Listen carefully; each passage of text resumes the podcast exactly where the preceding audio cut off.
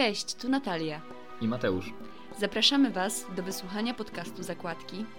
Tutaj książki są powodem do tego, żeby się spotkać i pogadać. A Wy możecie posłuchać tych ubocznie powstałych rozmów. Dzień dobry wszystkim, dzień dobry Mateuszu. Dzisiaj będziemy omawiać książkę o tytule Informacja zwrotna, która została napisana przez Jakuba Żulczyka. Książka ta ma 525 stron. Po raz pierwszy została wydana w 2021 roku. Jakub Żulczyk oczywiście napisał wiele książek. Taka najbardziej znana powieść to Ślepnąc od świateł, na której podstawie także nakręcono serial. Ponadto napisał Wzgórze psów, Czarne słońce, Radio Armagedon, Instytut. Informacja zwrotna to thriller, historia Marcina Kani, alkoholika, który traci syna w niewyjaśnionych okolicznościach. Jeszcze dodam ogólnikowo o Jakubie Żulczyku, że stworzył on także podcast wraz z Juliuszem Strachotą o tytule Co ćpać po odwyku. To jest dosyć ważne w kontekście omawiania całej tej historii, że sam Jakub Żulczyk jest alkoholikiem i do tego się otwarcie przyznaje i stąd też wynikło napisanie tej książki oraz powstanie tego podcastu wspomnianego przeze mnie. Podcast jest fantastyczny, przesłuchałam wszystkie sezony i naprawdę bardzo polecam. Pomimo tego, że nie jestem alkoholiczką, ani nie jestem uzależniona od żadnych substancji psychoaktywnych, może poza kofeiną, to i tak fantastycznie się go słucha, bo to nie jest podcast tylko dla ludzi uzależnionych, tylko no według mnie to jest podcast dla wszystkich naprawdę. Zresztą każdy z nas pewnie zna kogoś, kto jest uzależniony. Y, nawet jeżeli wydaje nam się, że niekoniecznie, to po zebraniu większej ilości informacji możecie jednak odkryć, że znacie dużo więcej osób niż Wam się wydaje, które są uzależnione. Ty, Mateuszu, się przywitaj teraz. Cześć, dziękuję, że pozwoliłeś mi się przywitać z naszymi słuchaczami. Ja na początek chciałem zaznaczyć tutaj krótko, bo dla mnie jeszcze jakiś czas temu nie, y, nie było oczywiste jakby rozróżnienie pojęcia alkoholika od alkoholika. W tym sensie, że dla mnie alkoholicy to byli ci ludzie, którzy są uzależnieni od alkoholu i praktycznie ciągle mają z nim kontakt. I ja jako takich rozumiem alkoholików, ale właśnie Jakub Żulczyk, autor książki, którą dzisiaj omawiamy, też mówi o sobie, że jest alkoholikiem, ale to wynika z tego, że on jest uzależniony od alkoholu, ma tego świadomość, zwalczył to, nadal w zasadzie z tym walczy, bo uzależnieniem niekiedy walczymy całe życie, i on może nie pić nawet przez 5, 10, 15 lat, być poddawany terapii, ale nadal mówi o sobie, że jest alkoholikiem, bo jakby on nadal czuje na sobie ten ciężar, on nadal jest jakby w szponach tego mm, uzależnienia, pomimo tego, że już tak długo nie ma kontaktu z tym alkoholem. Więc y, to też ja uważam, że trzeba to zaznaczyć. No i właśnie tak jak mówisz, że mamy takich alkoholików y, i innych uzależnionych wokół siebie E, w życiu i dlatego warto przeczytać tą książkę, bo ona wiele tłumaczy i wiele wyjaśnia w różnych zakresach dotyczących tego, no nie tylko jak sobie radzić z alkoholem, jakie są metody radzenia sobie z alkoholem i innymi uzależnieniami, ale też czym to się objawia i jakie ma skutki. Tak, ja też e, mieliśmy przed nagraniem taką krótką rozmowę z Mateuszem, taką wręcz nawet dyskusję bym powiedziała, E, dlatego że Mateusz mówi, że ta książka jest podpisana jako thriller. A dla mnie, w moim osobistym odczuciu, to jest książka o alkoholizmie i o alkoholikach i o uzależnieniach, a cała historia thrillera, który rzeczywiście e, ten wątek się znajduje w tej, książ w tej książce, ona jest tylko tłem do, do opowiedzenia, co siedzi w głowie osoby uzależnionej i co siedzi w bliskich takiej osoby. Dlatego, że tu jest to pięknie przedstawione. My pewnie bardziej ten wątek rozszerzymy. Dlatego, że tutaj jest tak ciekawie to przedstawione, że najpierw widzimy większość historii z perspektywy e, Marcina Kani, który jest tym alkoholikiem, a później z perspektywy jego dzieci, jego żony. I tu bardzo ładnie widać y, to, jak czasami, mm, nie, nie wiem, czy już chcemy poruszać ten wątek, ale czy chcesz jeszcze coś dodać na sam początek? No, w zasadzie to chciałem tylko dodać tyle, że w całej tej książce nie ma tak, że jakby trudno jest wskazać, ile w tym jest thrillera, a ile w tym jest historii alkoholika i walki z alkoholizmem, no bo to wszystko się wzajemnie przeplata i no moim zdaniem można równo, równie dobrze powiedzieć, że to jest historia alkoholika, yy, w której wplątany jest thriller, albo thriller, w którą wplątana jest historia alkoholika. Nie ma tam wyraźnej granicy można by powiedzieć, że to jest 50 na 50, ale jeżeli ktoś się upiera, to mogę się zgodzić, to jest tak. To, co przykuło moją uwagę w tej książce, to jest to, jak czasami e, jest przedstawiana rzeczywistość z perspektywy osoby, która całe życie piła i później przestała pić. I to jest taki bardzo trudny moment dla wszystkich, e, dlatego że jak już powiedzmy alkoholik postanawia, że on chce zakończyć e, z nałogiem, chce naprawić swój problem i on przestaje pić. To, je, to wymaga ogromnej ilości siły, odwagi i przezwyciężania nie tylko objawów odstawiennych, ale przezwyciężania psychicznego uzależnienia, tak? Dla takiej osoby, która, nie wiem, piła przez kilkadziesiąt lat, nie picie przez trzy miesiące, to jest prawdziwa męka. To my pewnie nie potrafimy sobie tego wyobrazić. I ta osoba przez trzy miesiące, załóżmy, nie pije, i nagle, ale, I nagle zauważa w tej trzeźwości, że jak domownicy się do niego samego, akurat teraz powiedzmy ale do, czy do niej samej odnoszą, że są wycofani, i ten alkoholik zaczyna mieć takie wrażenie, że on się tak stara, że on przestał pić, jest miły, codziennie się do wszystkich uśmiecha, jest trzeźwy, stara się ze wszystkimi rozmawiać, a nikt nagle nie chce z nim rozmawiać. Oni nie są wcale dla niego wszyscy tacy mili i zaczyna się irytować. I sobie myśli w swojej głowie, to ja się tak staram, całe swoje życie wywracam do góry nogami, przeżywam takie męki, a wy, wy teraz powinniście wszyscy być wdzięczni, że ja przestałem pić. I to się dzieje w głowie alkoholika. A później postawmy się w butach tej, nie wiem, córki czy żony, która od 15 lat widzi tego ojca czy męża naprutego i przez nie trzy miesiące, ale przez kilkanaście lat z tego tytułu przeżywa lęk, obrzydzenie, zawstydzenie, strach nieustanny, ta niepewność, kiedy znowu przyjdzie upity, może nawet gdzieś tam były jakieś niebezpieczne sytuacje. Jak taka osoba nagle po trzech miesiącach ma o tym wszystkim zapomnieć i zacząć normalnie rozmawiać z, z tym alkoholikiem, który tak, że tak powiem, zniszczył życie tej osobie. To jest taka bardzo trudna sytuacja, naprawdę. Jak sobie tak o tym pomyślimy, to ciężko jest nagle w trzy miesiące wybaczyć komuś 15 lat życia. Zwłaszcza, że my nie mam pewności, że ta osoba zaraz znowu nie powróci do nałogu, tak? Przerwę ci, bo wydaje mi się, że to też często jest kwestia po pierwsze tego, że trudno jest zbudować jakieś zaufanie, ale jeszcze trudniej jest je utrzymać, czyli bardzo łatwo jest je stracić. No i właśnie to jest jedna rzecz. A druga rzecz to jest to, że no, alkoholicy często jednak mają tak, że okej, okay, te trzy miesiące na przykład kończą się jednak tym, że sięgają po ten alkohol, więc stracą to zaufanie. I to nie jest jeden raz, tylko oni tak potrafią zrobić kilka razy. Czasami to trwa miesiąc, to nie picie, czasami pół roku, czasami to może trwać trzy miesiące faktycznie. No i ta rodzina też jest tak szarpana tym, że okej, okay, no teraz nie pijesz, ale ile to potrwa? Nie wiemy, nie mamy cierpliwości, mamy już tego dość. Jakby przeszkadzasz nam, my się ciebie wstydzimy, brzydzimy i tak dalej, to wszystko, o czym powiedziałaś. I to jest za każdym razem wzmaganie, to jest bardzo męczące, to jest bardzo angażujące emocjonalnie, życiowo. No, to, to się przekłada na każdą praktycznie płaszczyznę życia. I to wszystko jest tutaj opisane. W sensie to wszystko bardzo dobrze widać i widać, że to opisała osoba, która sama to przeżyła i która pewnie nawet no, nie, nie, tylko ze swoim terapeutą czy terapeutami, ale też ze swoją rodziną, z bliskimi, ze znajomymi to wszystko omawiała. Tutaj na kartach tej książki też widzimy historie innych ludzi, którzy spotykają się na terapii e, razem z głównym bohaterem i opowiadają o swoich przypadkach, o swoich historiach.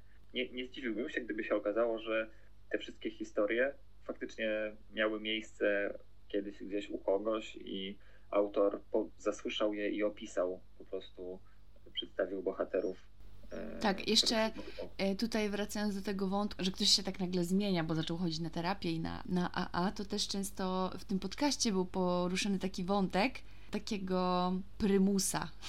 W sensie, że nagle, załóżmy, nie wiem, przez pół roku udało ci się nie pić, zastosowałeś się do wszystkiego, co ci powiedzieli terapeuci, chodzisz na spotkania AA i tam jest takie bardzo, tam jest bardzo takiej dużej wewnętrznej pracy nad sobą i dużo rozmawiania o uczuciach, psychologii, o wyższej sile, tak? Jest dużo takich filozoficznych, bym powiedziała, rozmów. No i ta osoba nagle się staje taka bardzo uduchowiona w zasadzie z dnia na dzień, bo jak codziennie chodzisz na terapię czy na spotkania AA, no i że nagle dochodzi taki syndrom takiego oświeconego prymusa alkoholika, który nagle chce wszystkich nawracać. I że to jest, i że yy, i na przykład właśnie Juliusz Strachota mówił, że on to przechodził, że był takim wkurzającym człowiekiem, że on tak jak już poczuł się taki pewniejszy w tym swoim niepiciu i w tym odkrywaniu y, swojego wewnętrznego życia, to nagle już chciał być takim mędrcem, który daje rady życiowe wszystkim innym i że to też tak bywa czasem. Z... Już chciał mutać pewnie wszystkich i wszystkich nawracać, w ogóle Tak. robić o- ogólnopolską kampanię przeciw alkoholizmowi. No właśnie, no pewnie tak to też wygląda. No. Możemy też przeczytać w sumie pierwszy fragment, który mamy, który znajduje się na samym początku książki. Przybliży Wam Marcina Kanie. Nazywam się Marcin Kania i jestem, wiadomo kim jestem. Pracowałem w przemyśle rozrywkowym, chociaż w Polsce to nie jest żaden przemysł, tylko lepienie w szlamie. Najpierw sam byłem muzykiem, potem menadżerem innych muzyków. Wydawałem gazetę o muzyce. Pomyśleć, że kiedyś ludzie je kupowali. Zakładałem pierwsze portale internetowe, ale i tak najwięcej zarobiłem na tantiemach ze starą i głupią piosenką, którą znają wszyscy i której nikt nie może już słuchać, poza kierowcami taksówek. Mówi się, że przez alkohol traci się kontrolę, ale ja jej nigdy nie miałem. Przez wstyd, przez złość, przez niechęć, przez uczucia. Mam 50 lat, ale pamiętam z tego mniej niż połowę. Mówi się, że przez alkohol traci się pamięć. Akurat może i dobrze. Z Martą jesteśmy w separacji. Chociaż teraz, w świetle tego, co się stało, trudno tak naprawdę powiedzieć, w czym jesteśmy. Ostatnie dwa lata mieszkaliśmy osobno. Wczoraj zażartowaliśmy, po raz pierwszy od dobrych dziesięciu lat. Marta powiedziała: Zobacz, jesteśmy tak fatalnym małżeństwem, że nawet nie umieliśmy się porządnie rozwieść. Zaśmiałem się, ona też. Mamy córkę i syna. Tak, wciąż go mamy. Mówi się, że przez alkohol traci się rodzinę. Nie, nie tylko. Rodzinę się zabija. Najpierw morduje się każdego z jej członków z osobna. Na wiele sposobów. Potajemnie, z ukrycia, albo publicznie, na szafocie, ku uciesze publiczności. A to, co z niej zostanie, bo zawsze coś zostaje z rodziny, gdy wszyscy już umrą, leżący na podłodze nagi organ, bezbronny, podeptany, składa się w ofierze. Pali w piecu. A, zapomniałem. No właśnie. Nazywam się Marcin Kania i chyba jestem mordercą. no właśnie to od czego zaczęłaś, czyli nazywam się Marcin Kania i jestem, wszyscy wiemy kim jestem, no to oczywiście chodzi o to, że jest alkoholikiem i tu jest ta historia tego alkoholizmu, a potem jest na końcu, nazywam się Marcin Kania i jestem, no właśnie mówi o tym, że jest mordercą. No jest albo nie jest, no to jest jakby, nie będziemy spoilerować. Ale Ale to było jednak- takie metaforyczne. Bo może Tak, chodzi o to, że tak, on jest tak. mordercą rodziny właśnie przez to, że jest alkoholikiem. No i przez to to jest tak właśnie głębokie, no nie? No. Yy, takie pod, podwójne znaczenie. No ale też potem jak właśnie w tą część thrillerową się zagłębiamy, no to okazuje się, że w sumie tak jakby był, ale tak jakby nie do końca był tym mordercą, no bo no to jest bardzo skomplikowana, skomplikowana sprawa. No ale właśnie to jest to przedstawienie się i wyznanie przed samym sobą i przed swoim otoczeniem, że jestem alkoholikiem, no to jest taki pierwszy krok w zasadzie, który się robi na terapii, kiedy sami przed sobą i przed otoczeniem przyznajemy się, że tak jesteśmy alkoholikami. E, I te spotkania anonimowych alkoholików, czy jakiekolwiek inne terapie, e, terapie grupowe, zwykle zaczynają się od przedstawienia się imieniem i nazwiskiem i powiedzenia, że jestem alkoholikiem. Potem w kolejnej e, informacji mówi się o tym, że nie piję od tylu i tylu, co w książce okazuje się, że nie zawsze jest prawdą, w sensie czasami jak ktoś przychodzi na spotkanie i mówi, że nie pije od tylu i tylu, to okazuje się, że na przykład jest już pod wpływem alkoholu i pił wczoraj, i pił przedwczoraj i tak dalej. No to jest życie, które weryfikuje bardzo często nasze plany i powoduje, że nie, niełatwo tak e, walczyć z, z alkoholizmem, ale potem w czasie takiego spotkania e, następuje jakaś tam wymiana właśnie tych różnych historii, o których wcześniej wspomniałem, które pewnie autor po prostu poznał w trakcie swojego życia i wsadził w usta bohaterów swojej książki. Jak każdy już podzieli się tą swoją historią, to bardzo dobrze widać tutaj właśnie w trakcie tych spotkań, to potem każdy otrzymuje taki feedback, taką właśnie informację zwrotną, która jest e, w ogóle tytułem tej książki. I to jest bardzo ciekawa rzecz, bo na przykład o tej informacji zwrotnej ja wcześniej nie wiedziałem, zanim e, nie przeczytałem tej książki. I mam fragment, który wyjaśnia, czym jest ta informacja zwrotna, czyli ten komunikat, który słyszy się od tych wszystkich, którzy słyszeli Twoje wyznanie na temat ostatnich przeżyć związanych z alkoholem, na temat tego, kim jesteś, y, co robisz i jak w ogóle wygląda Twój alkoholizm. I brzmi to tak. Informacja zwrotna rządzi się pewnymi zasadami. Nie można tak po prostu kogoś zwymyślać, nie można też dawać rad. nie można oceniać. Trzeba mówić o uczuciach, które pojawiły się w nas, kiedy słuchaliśmy czyjejś wypowiedzi. Należy być konkretnym, przedstawiać fakty, nie przypuszczenia, oceniać czyny, nie ludzi, nie wyrażać oczekiwań, ewentualnie podsuwać rozwiązania. Osoba, która odbiera informację zwrotną, nie może ci przerwać ani nic powiedzieć. Musi wytrzymać, a na końcu podziękować. Nieważne, co usłyszy. Ja jestem ciekawy, jaka jest Twoja informacja zwrotna wobec tej książki, po tym jak ją przeczytałaś. Poznałaś historię człowieka i całej Mhm. jego rodziny. I jaka jest Twoja informacja zwrotna wobec tego? Co czujesz? Mi się osobiście ta książka bardzo podobała. Nie chcę jej oceniać, tylko mówię o swoich uczuciach, tak? Więc mi się tak, tak, podobała. Ponadto, tak jak już wcześniej wspomniałam, uważam, że jednak to jest historia o alkoholizmie. Niekoniecznie tylko o Marcinie Kani, ale ogólnie o alkoholizmie, dlatego że tam słyszymy historię e, kilku alkoholików co najmniej. Jest to historia o trudnych relacjach międzyludzkich, o tym, że czasami pewnych rzeczy po prostu nie da się naprawić, pewnych relacji w rodzinie, o tym, że pewnych rzeczy się nie da wybaczyć, o tym, no, że trzeba ze sobą rozmawiać i trzeba się nauczyć ze sobą rozmawiać, bo to też jest istotny e, wątek w tej książce. Dopiero na samym końcu w zasadzie dowiadujemy się o tym, dlaczego Marcin nie potrafił rozmawiać ze swoim synem, dlaczego, dlaczego tak było i o co chodziło bo do rozmowy trzeba zarówno umieć mówić, jak i słuchać, jak i dobrze umieć artykułować swoje potrzeby. I uważam, że to jest ogromny problem, tak? Prowadzenia rozmów. Każdy z nas chyba się na jakimś etapie z tym zetknął, dlatego to też jest dobra książka pod tym kątem. No, jest to też, jest tam też wątek y, thrillera i po- i nawet jest poruszona taka prawdziwa historia, która się wydarzyła w Warszawie, ale to może zaraz o tym powiemy, o, Tak. tej, y, o tym skandalu, że tak powiem. Zanim jeszcze o tym yy, thrillerze, to chyba, że chcesz jeszcze coś dopowiedzieć do tej informacji zwrotnej. mi, mi się bardzo ładnie składa ta książka z tym podcastem, dlatego że bardzo wiele wątków, które w tym podcaście było poruszanych, widzę, że właśnie Żulczyk zawarł w tej książce. Bardzo, bo ten każdy podcast miał jakiś swój e, główny temat, tak? Ym, każdy sezon nawet miał swój tytuł prowadzony, że tak powiem, główny. No i to tak bardzo dużo rzeczy starał się zawrzeć w tej książce, które były poruszane w czasie tego podcastu i to też mi się tak w taką jedną całość złożyło. Czyli warto, no właśnie, to tak uzupełniając od tej książki, jak kogoś wciągnie, to warto potem sięgnąć po podcast e, Jakuba Żulczyka i obejrzeć rozmowę z nim, na przykład tą, która miała miejsce e, na zeszłym Woodstocku, czyli w 2022 roku, e, na festiwalu Poland Rock. Jakub Żulczyk był Tak. obecny i e, tak jak ostatnio reklamowaliśmy nagranie z rozmowy z Adamem Bodnerem, e, nie, z... Tak, no mówiliśmy o rozmowie Tak. z Adamem Bodnerem, Mhm. E, to tak teraz też e, reklamujemy tą rozmowę, która jest dostępna na YouTubie.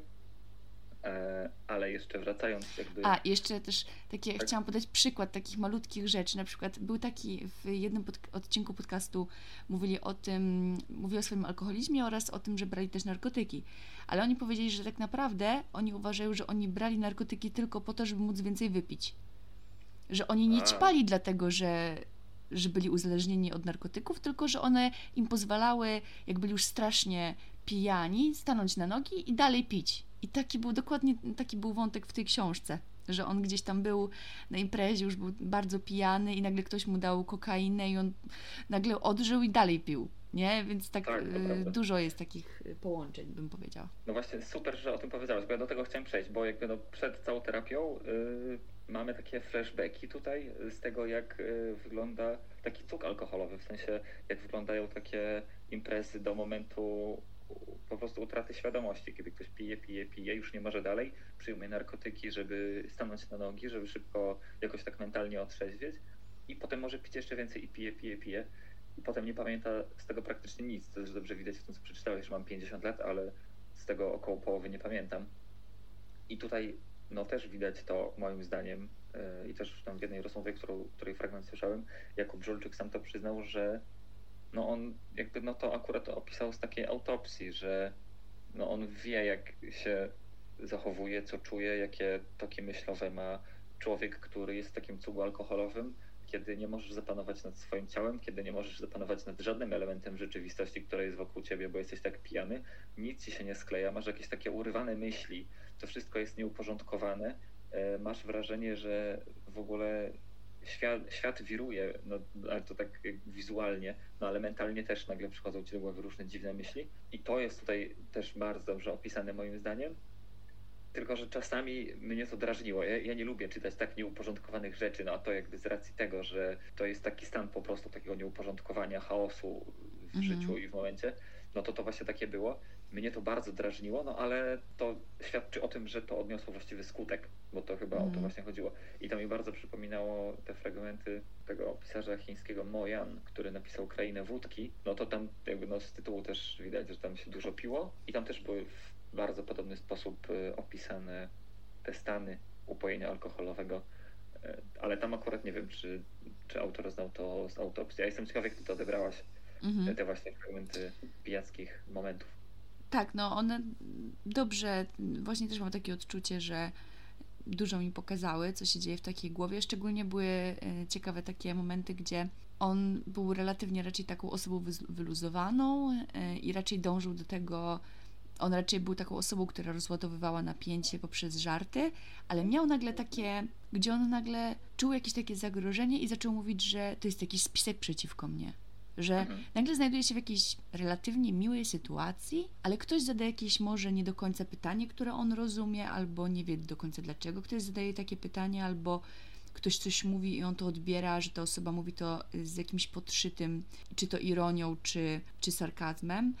I on wtedy zaczyna mówić: O nie, to jest jakiś spisek przeciwko mnie i nagle wtedy zaczyna się nakręcać. O nie, cały świat spiskuje przeciwko mnie, o co chodzi i widać taką narastającą, taką ps lekką psychozę, tak?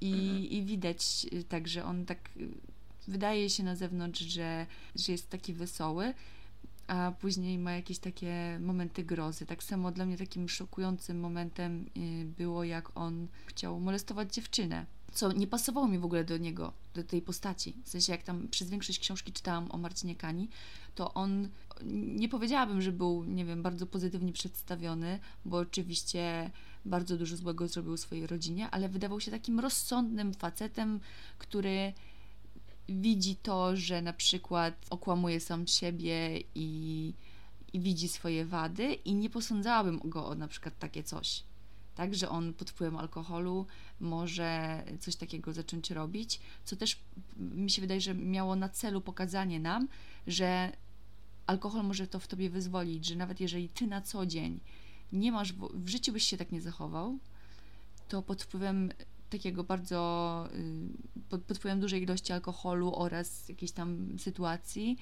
i stanu psychicznego jesteś w stanie zachować się tak, jakbyś w życiu y, o to siebie nie podejrzewał.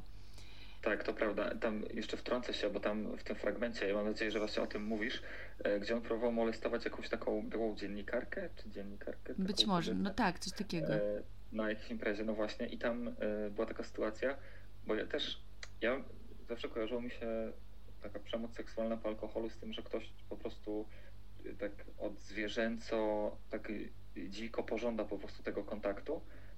A tutaj to było do, tak dobrze pokazane, że to nie zawsze tak wygląda. I tutaj to wyglądało w ten sposób, że on sobie się, siedział, widział ją, będąc pijany, i ona po prostu albo na niego spojrzała, czy uśmiechnęła się, czy przełożyła nogę na nogę, i on to odebrał jako zaproszenie. Tak, tak.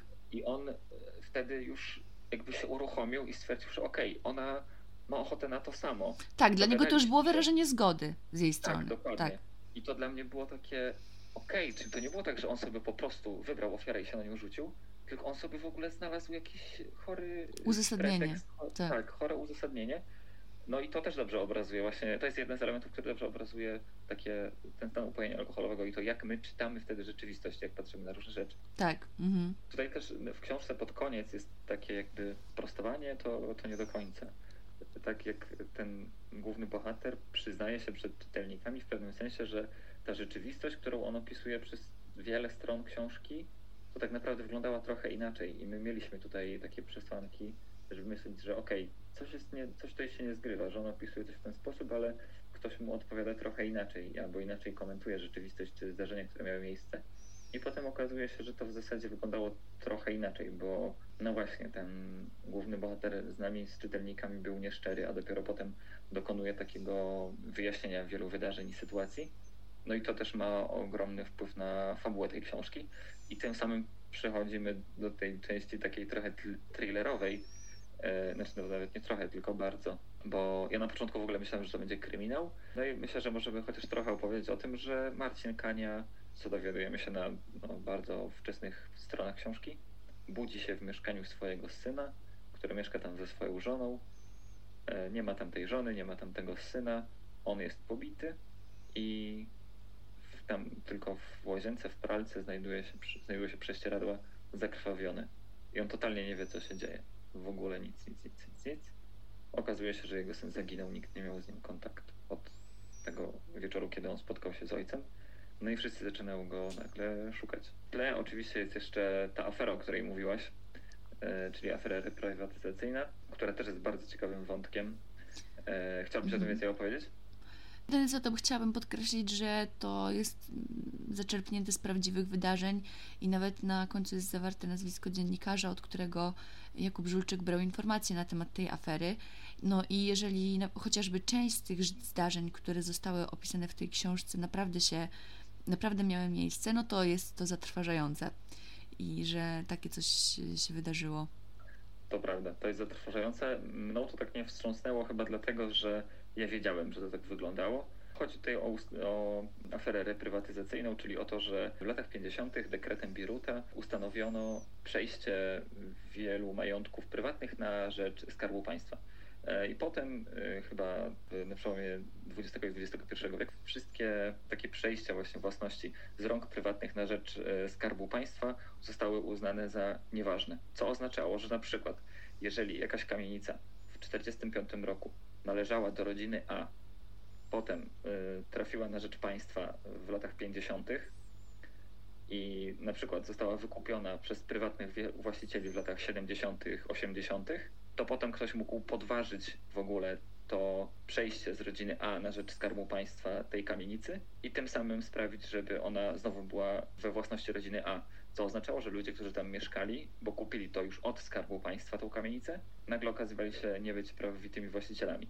No i to prowadziło do bardzo dużych zawirowań, trzeba było takich ludzi eksmitować i tak dalej, ale jeszcze pojawiali się tam ludzie, którzy prawa do skupywania tych kamienic od tej rodziny A, czyli tej pierwszej, która była właścicielem danej kamienicy przed wojną, skupywali czasami za kilkanaście, kilkadziesiąt tysięcy złotych, a to były kamienice warte grube miliony, położone bardzo często w, centrum Warszawy. Właśnie na tej podstawie ci ludzie skupywali wierzytelności od tych rodzin, które były właścicielami e, kamienic w latach 40. Potem wykazywali przed sądem, że ci ludzie, którzy je teraz zajmują, którzy są ich właścicielami, posiadają je bezprawnie, bezpodstawnie. E, no i zyskiwali e, ogromne majątki, a potem je sprzedawali dalej, ale w tych kamienicach bardzo często byli lokatorzy, których należało wykurzyć. No, pozbyć się ich, tak zwana, tutaj w książce to jest opisane jako wkład kamięsne. Były najróżniejsze metody na to, jak obrzydzić tym lokatorom mieszkanie w tych kamienicach. E, tam było, no nie wiem, jakieś częściowe podpalenia, sabotaż, niszczenie klatek schodowych, e, urządzanie głośnych imprez. Czy nawet morderstwo. Nawet tam doszło do morderstwa, znaczy opisanego w książce, ale no, w rzeczywistości mam nadzieję, że ono nie miało miejsca i że nikt z tego powodu nie zmarł, chociaż tutaj też był opisany zawał po prostu starszej pani, która e, no, zmarła w ramach tych szykan i tego sabotażu. No więc to jest też taki spory fragment rzeczywistości polskiej, która po prostu miała miejsce, e, a z którą nadal się mierzymy do dzisiaj w sumie. Niestety. Tak, także Więc... dużo wątków zostało poruszone w tej książce. No i uważam, że to też był taki dobry wybór, żeby jeszcze zawrzeć taką historię w tym wszystkim, dlatego że chyba każdy znajdzie coś dla siebie y, tutaj rzeczywiście w tej książce. Ja najbardziej mnie interesował ten wątek alkoholowy, ale bardzo ta historia o tym skandalu reprywatyzacyjnym też mnie mocno zainteresowała. No, to był taki, taki smaczek, bo to też stanowi, jakby tam ta historia reprywatyzacyjna była kręgosłupem e, tego całego motywu do dokonania zbrodni, które miało miejsce w tej tak. książce. Więc to było takie, okej, okay, kto tu co zrobił, od kogo nabył, kto co walczył i tak dalej. E, no, akcja książki dzieje się w Warszawie, jak można się domyśleć, w Podkowie Leśnej, czyli w takiej miejscowości pod Warszawą. No, naprawdę dobrze, dobrze się to czyta. Tylko, że właśnie tak jak mówiłem, no, jest taki, taki niepokój wewnętrzny przy tych niektórych fragmentach dotyczących stanu upojenia alkoholowego. To, tak, też to... ważne dla thrilleru było to, że Marcin Kania przedstawiał swojego syna w taki bardzo konkretny sposób, czyli jako takiego nieporadnego chłopca, który jest raczej ofiarą y, życiową i jest jakiś taki nieudolny. I tak naprawdę, jeżeli byśmy wzięli tylko pod uwagę to, co mówi ten Marcin Kania, to w ogóle by się nam ten thriller nie skleił, bo a później się okazuje, że jednak Marcin Kania kompletnie nie znał swojego syna i dlatego ta historia wyglądała zupełnie inaczej niż się na początku mogło wydawać. I no, no dużo było takich zastosowanych w tej, w tej powieści dużo było takich ciekawych rozwiązań zawartych w tej książce, właśnie na przykład to, co, o czym ty wspomniałeś, że nagle przy końcu się dowiadujemy, że tak naprawdę główny bohater nas okłamywał, co ma dużo sensu, ponieważ on jest alkoholikiem, a to jest to, co alkoholicy robią najlepiej, kłamią. Y, o tym też jest w podcaście, że nikt tak doskonale nie potrafi cię okłamać jak alkoholik. No albo właśnie to, że on też nie znał sam tego syna, więc gdybyśmy brali tylko pod uwagę to, co on mówi, to nigdy byśmy nie mogli poznać prawdziwej historii.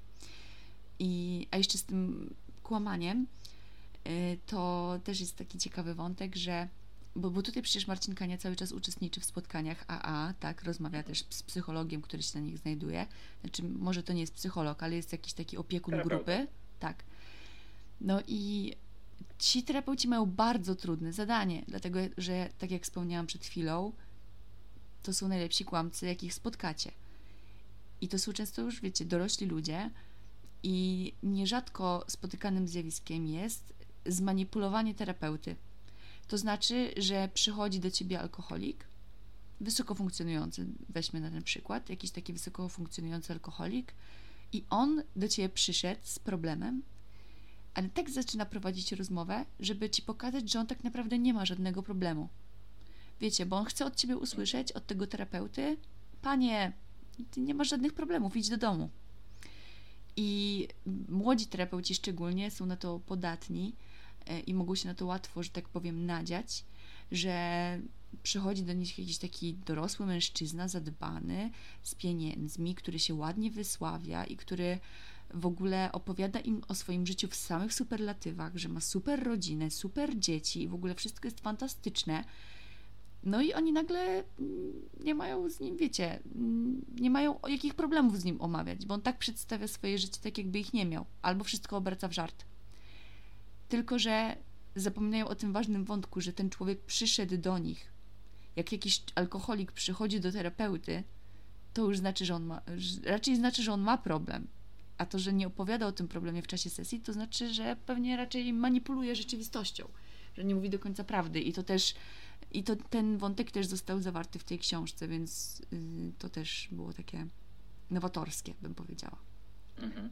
No tutaj też na tej terapii, y, kiedy pojawiają się losy też innych bohaterów, takich przynajmniej drugoplanowych, to też czasami jest tak, że w, tej, w ramach tej informacji zwrotnej ktoś mówi do innego bohatera, że no wydaje mi się, że ta dziewczyna w ogóle nie istnieje. Nie wiem, czy pamiętasz takie wątki. Tak, tak, tak, tak, tak. E, że oni też nawzajem próbowali wyłapywać e, w sobie te kłamstwa i może w sumie temu też służy ta informacja zwrotna. Tak, ale ponoć jak w ogóle przychodzi na takie spotkanie jakiś taki świeżak, który myśli, że coś tutaj będzie manipulował, to oni te stare wygi od razu go wyczuwają że to w ogóle jest tak. od razu jaki bullshit po prostu ten ktoś tutaj próbuje przedstawiać i no tak, i że tak często jest, że ktoś przychodzi nowy i tak on tak przyszedł, ale tu jeszcze chce tak nie do końca wszystko może szczerze, no i ale szybko zostaje naprostowany. Ponoć. Tak to, to, to, nie znałem tego wątku. Znaczy zdawałem sobie sprawę z tego, że tak, że alkoholicy to bardzo dobrzy kłamcy i w ogóle ludzie uzależnieni tak. od takich e, skrajnych rzeczy to bardzo dobrzy kłamcy, ale tego nie wiedziałem. Dobrze wiedzieć. Ale to też jest ważne, co, o czym powiedziałeś, że alkoholizm dotyka wszystkich i my bardzo często, bardzo długo nie mamy świadomości wiedzy o tym, że ktoś jest alkoholikiem, albo że na przykład takiej czy innej grupy zawodowej alkoholizm może dotykać, bo no, często słyszy się i myśli się, dobra, no alkoholik, no pewnie osoba, która wykonuje jakieś proste prace fizyczne, mm, albo osoba bezdomna, no tak, ale to też często dyplomaci, dziennikarze, lekarze, prawnicy. Jakby alkoholizm nie patrzy na wiek, na wykształcenie, na e, stan majątkowy, no po prostu. Tam jest nawet takie zdanie, że czy pijesz jakiś bourbon za kilka tysięcy, czy wypijesz jakąś wódę ze śmietnika, to to, to jest C2H5OH i to jest C2H5OH. Nie No ma tak, znaczenia. właśnie, to ten wzór chemiczny podałem dokładnie. No i no, po prostu jesteś alkoholikiem. To nie, nie ma jakichś przesłanek, które które istnieją. Tutaj jest taka mowa o tym e, w pewnym momencie, że alkoholika można wychować. I tutaj autor alkoholika można wychować w ten sposób, e, o czym dowiadujemy się ze słów e, głównego bohatera, że on został nauczony, został wychowany e, przez swojego ojca, e, który stosował przemoc, który, jak twierdzi główny bohater, zniszczył mu życie, e, który też był alkoholikiem. No i on po prostu takie wzorce zachowań, pomimo tego, że nienawidził tego ojca, że totalnie sprzeciwiał się jego zachowaniom i tak dalej, to on te zachowania także odziedziczył w kolejnym pokoleniu. No i to jest syndrom bardzo często towarzyszący, bo nie zawsze pijemy dlatego, że mamy jakieś problemy życiowe, no bo tak jak Marcin Kania, on takich problemów życiowych raczej nie miał, bo tutaj wydaje się raczej człowiekiem sukcesu po tej sylwetce, którą przytoczyłaś. No ale po prostu w jego głowie było coś, co spowodowało, że stał się bardzo podatny na ten alkohol. No i to była najprawdopodobniej ta przeszłość. Yy, I on sobie obiecywał, że na pewno nie będzie takim ojcem, jakim był dla niego jego ojciec, a na końcu książki sam przed sobą przyznaje, że no tak, no on się stał takim właśnie ojcem. Tak, bo też ojcem. trzeba, to w podcaście jest często rozróżniane, trzeba rozróżnić niepicie od trzeźwości. To są dwie zupełnie różne rzeczy. Niepicie to oznacza po prostu, że nie pijesz alkoholu. I oni tam, mi się podobał taki zwrot, jaki stosowali często w podcaście, tak zwane niepicie na dupościsku. Co oznacza, że ty po prostu miałeś na tyle silnej woli, że przestałeś pić, ale nie wkładasz w to żadnej więcej pracy. Czyli nie próbujesz się zagłębić w te e, największe swoje problemy wewnętrzne. Nie szukasz tych przyczyn pierwotnych tego wszystkiego, co cię doprowadziło do picia, bo to jest ciężka praca ogólnie. Naprawdę musisz się skupić na tym, musisz każdego dnia wkładać e, trochę więcej w pracy w to, żeby na przykład nauczyć się rozmawiać z innymi ludźmi, żeby nauczyć się ich słuchać, bo ty musisz zmienić w sobie wszystko, nie tylko przestać pić. Bo to, co. Musisz zmienić wszystko to, co cię doprowadziło do picia. I to jest leczenie alkoholizmu. I to jest życie w trzeźwości, że ty wykonasz te 12 kroków, naprawdę się zastanowisz, dlatego właśnie są te y, w tych krokach, że ty musisz pójść do ludzi, przeprosić ich za to wszystko, co im zrobiłeś, tak? To jest bardzo ważne. Marcin Kania chyba tego nie zrobił, on chyba nigdy, syn tak powiedział w tej książce, że on nigdy go nie przeprosił. To oznacza, że on nigdy nie zrobił 12 kroków, bo musiałby przeprosić swoją rodzinę. No i mam wrażenie, że Marcin Kania był tym przykładem, że on potrafił czasami nie pić właśnie na takim dupościsku, ale nie wkładał w to więcej pracy, po to, żeby rzeczywiście być trzeźwym. Być trzeźwym, czyli naprawdę uczestniczyć w tym codziennym życiu i angażować się w to wszystko. I to też, y, na to też wskazuje takie jedno zdanie, co powiedział, y, które o nim wypowiedział syn. Ten syn, y, jego własny syn powiedział, że gdybyś nie pił, nienawidziłbym cię tak samo. To jest, mam wrażenie, że to dużo mówi o, o samym Marcinie. No tak, no bo no, to słusznie. Nie znałem tego rozróżnienia, ale jest bardzo ciekawe i słuszne w sumie, bo to są różne sytuacje jednak. No i teraz to ma sens, jak powiedział, że gdybyś nie pił, to nienawidziłbym cię równie bardzo. Tak. No, to przykry wątek na koniec. Przykry wątek na koniec, jak zawsze, nie? No, ale podobała nam się książka, więc Tak, książka jest zdecydowanie ciekawa naprawdę. I długa, nie ma obrazków. bo tak, nie ma obrazków, ale y, ona jest tak jakoś y, skrojona chyba powiedziałbym. Ona ma taki format, że ona jest wąska. W sensie ona jest gruba, Hmm. ma dużo stron 500, tam ponad 500, 525, ale te strony są bardzo wąskie i to się przez to szybko czyta. Tak. To, to jest taki pozytywny akcent na koniec. To jest pozytywny akcent na koniec.